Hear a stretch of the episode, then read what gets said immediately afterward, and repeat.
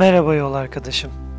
Şimdi kitabımı senin için okumaya devam ediyorum. İster yatarken dinle, ister yolda dinle, ister koşu yaparken.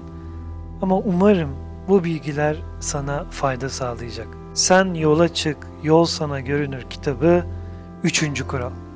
Kısmet etmişse Mevla el getirir, yel getirir, sel getirir.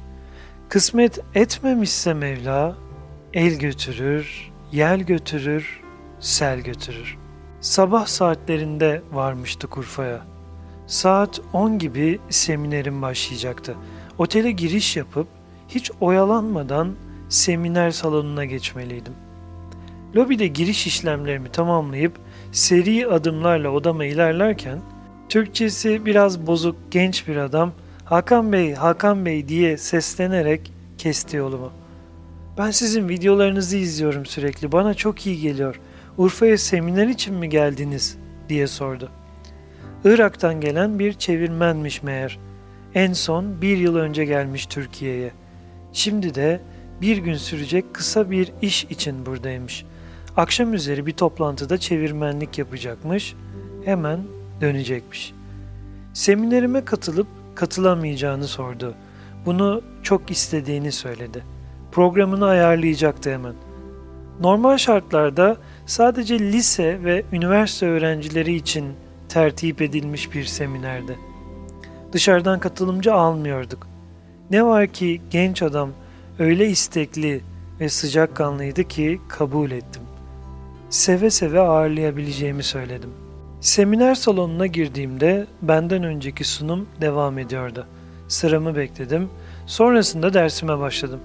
Her şey gayet yolundaydı. Son derece keyifli bir eğitim oldu. Hatta biraz müzik yapma fırsatı bile buldum. Seminer sonunda bana sunulan plaketi ve çiçeği kabul ederken bir beyefendi, "Başkanımızın size çok selamı var." dedi. Seminere katılmayı çok istedi ama malum olaydan dolayı çıkmak zorunda kaldı. Vaktiniz varsa sizi davet ediyor. Aklıma takılan tek şey malum olayın ne olduğuydu. Merak edip sordum. Malum olay dediğiniz nedir? Sonrasında anlatılanları dinleyince büyük şaşkınlık yaşadım.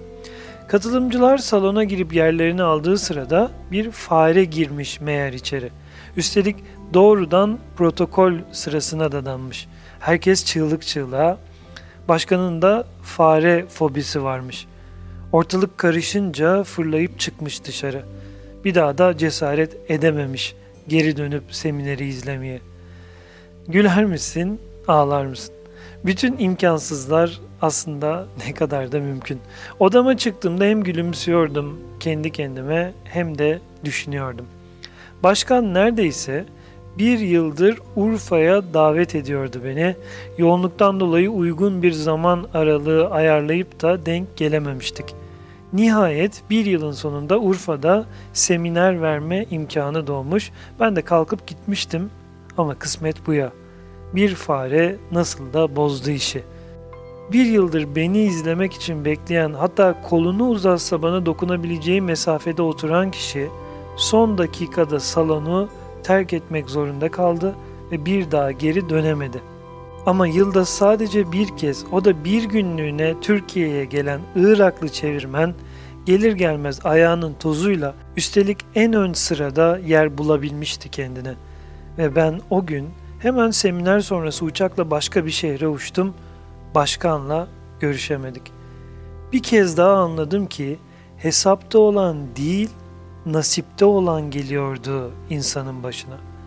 Bazen ne yaparsak yapalım yaşadığınla yaşamayı planladığın hiç ama hiç tutmuyordu birbirini. Sanırım tam da bu noktada kontrolcülük saplantısını enine boyuna masaya yatırmak gerekiyor. Gereğinden fazla kontrolcülük bir hastalıktır. Hayat kontrol altında tutulamayacak kadar sınırsız ve sonsuz ihtimaller silsilesinde dalgalanıp duran kocaman bir okyanustur. Hal böyleyken insanın hala adım adım planlar yapması, aklınca hesaplayabildiği ihtimalleri kontrol altında tutmaya çalışması sana da karikatürize görünmüyor mu? İşin daha da trajikomik yanı nedir biliyor musun? Çoğumuz kontrolümüzdeki konuları sahiden de güvencemiz altında sanıyoruz. Oysa bir dakika sonrasını bile randevu verebilme teminatına sahip değiliz hiçbirimiz. Yarın tam ikide söz verdiğim gibi toplantıda olacağım. Kesinlikle yetişeceğim. Akşam erken yatacağım, uyumadan evvel kitap okuyacağım. Önümüzdeki yıl İtalya'ya tatile gideceğim. İki ay sonra evlenme teklif edeceğim. Yarın saçlarımı kısaltacağım, şimdi eve gidiyorum. Ne güzel ama değil mi? Sanki hayatımızın her anı bizzat kendi kontrolümüzün altında. Neyi ne zaman istersek o zaman yapacağız. Hem de istediğimiz şekliyle yapacağız. Ancak biz sözde kontrolümüz altındaymış gibi bir takım planlar yaparken kader de bizim için başka planlar yapıyordu belki. Olamaz mı? Hayat hiçbir zaman teminat altında olmadı şimdiye kadar, olmayacaktı. Planlar sadece psikolojik birer telkindir. Asıl olan andır ve an içindeki eylemdir. Gerisi kocaman bir sanrı. Sahibi olduğun hiçbir şey yok yeryüzünde. Efendisi olduğun bir şey de yok.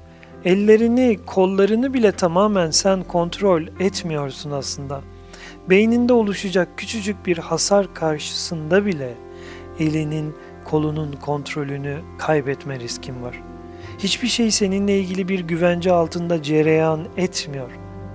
Mide kasımızı dilediğimiz gibi kontrol edebilir miyiz? Edemeyiz. Soda içerek durumu kontrol ettiğimizi düşünürüz ama. Çok komik değil mi? Saçlarımızın uzama hızına karar verebiliyor muyuz? Gür ya da seyrek olmalarını sağlayabilir miyiz? Hayır, sağlayamayız. Kuaföre gidip kestirerek ya da fön çektirerek her şey kontrolümüz altındaymış gibi devam ederiz ama hayata. Çocuklarımızın kim olacağına karar verebilir miyiz?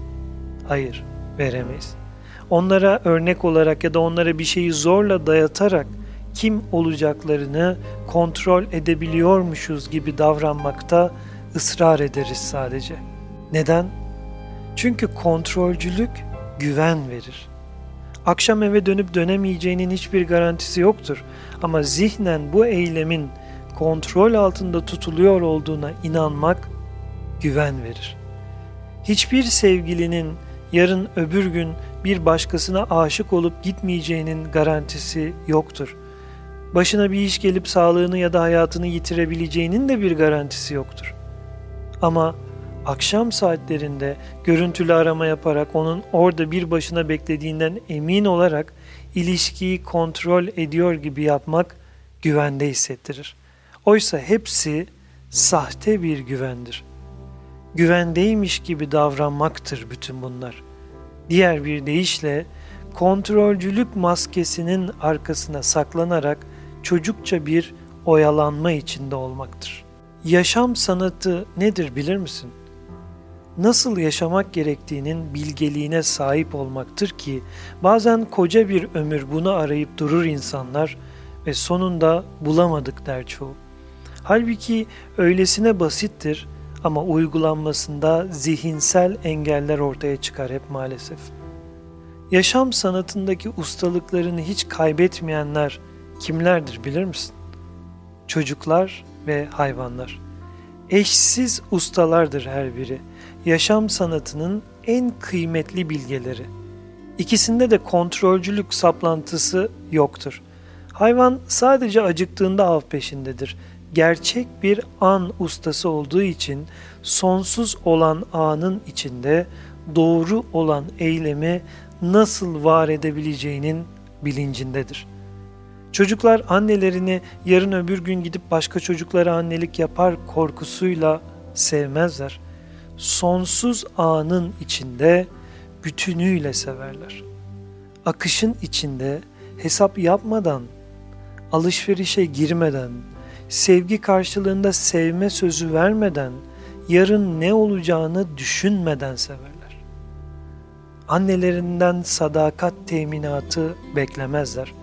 Ama annelerin sevgi garantisi var demek istiyorsun değil mi? Hayır. Annelik de teminat altında değil. Annesiz büyüyen ne çok çocuk var yeryüzünde. Üstelik annesi hayatta olduğu halde. Plan yapmak kötüdür demiyorum. Tabii ki plan yapmak gereklidir. Ama yoğun planlar silsilesinin bir illüzyon hatta bir anksiyete olduğunun da farkında olmalıdır insan. Kontrolcülük bir saplantı haline geldiğinde hem ilişkilerin hızla zedelenip kopmasına neden olur hem de psikolojik açıdan pek çok anksiyeteye neden olur.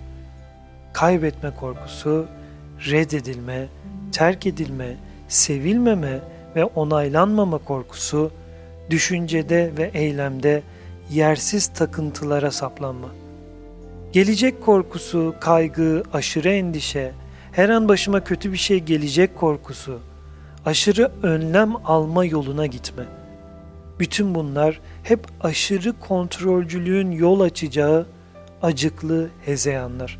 Daha önce duydunuz mu bilmem ama yeri gelmişken söz etmekte fayda görüyorum. Kendini gerçekleştiren kehanet. Yeni bir kavram değil. Robert Merton 1949 yılında Sosyal Teori ve Sosyal Yapı adlı kitabında enine boyuna tartışmıştır bu meseleyi. Geleceğe dair spiritüel kehanetlerde bulunmak, olasılıklar arasından en güçlü olanı seçip bir tür talih oyunu oynamaktan söz edilmiyor burada. Tam tersine somut gerçeklikler, takıntılar ve kontrolcülük bütün mesele. İnsan neyi kontrol etmeye çalışırsa, kendi için kaçındığı sonucu kaygılarından kaynaklanan tutumuyla, seçimleriyle ve kararlarıyla bir şekilde var etmeyi başarır. İşte buna da kendini gerçekleştiren kehanet denir. Çocuğunun hastalanmasından çok korkuyorsun ve bu durumu kendince kontrol altında tutmaya çalışıyorsun diyelim. Çocuk her terlediğinde üzeri değişiyor, yerden her oyuncak alındığında elleri yıkanıyor. Bir noktaya kadar çocuğunun sağlığı kontrolün altındaymış gibi görünse de verdiğin kararlarla, takındığın bu tutumla korktuğun kehanetin gerçeklik bulmasına hizmet ediyorsun farkında bile olmadan. Bağışıklık sistemi kontrolcülüğün yüzünden çöken çocuğun artık daha kolay hastalanır hale geliyor. Eskilerin korktuğun başına gelir ya da bir şeyi 40 defa söylersen gerçekleşir deyişinin neredeyse tam karşılığı gibi değil mi? Uzun lafın kısası Mevlana'nın bu yazıya konu olan sözü yastık altında saklanacak bir öğüt değil.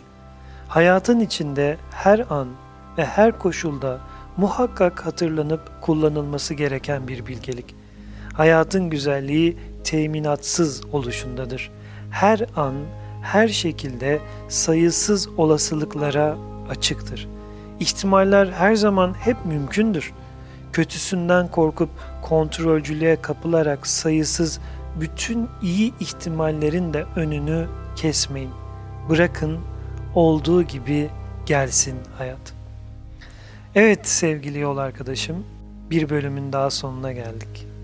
Sen de bu sözlere ihtiyacı olan arkadaşlara bu bölümü gönderebilirsin. Çünkü iyilik biz onu yaydıkça çoğalacak. Bir sonraki videomuzda görüşmek üzere. Hoşçakal. Sen yola çık, yol sana görünür.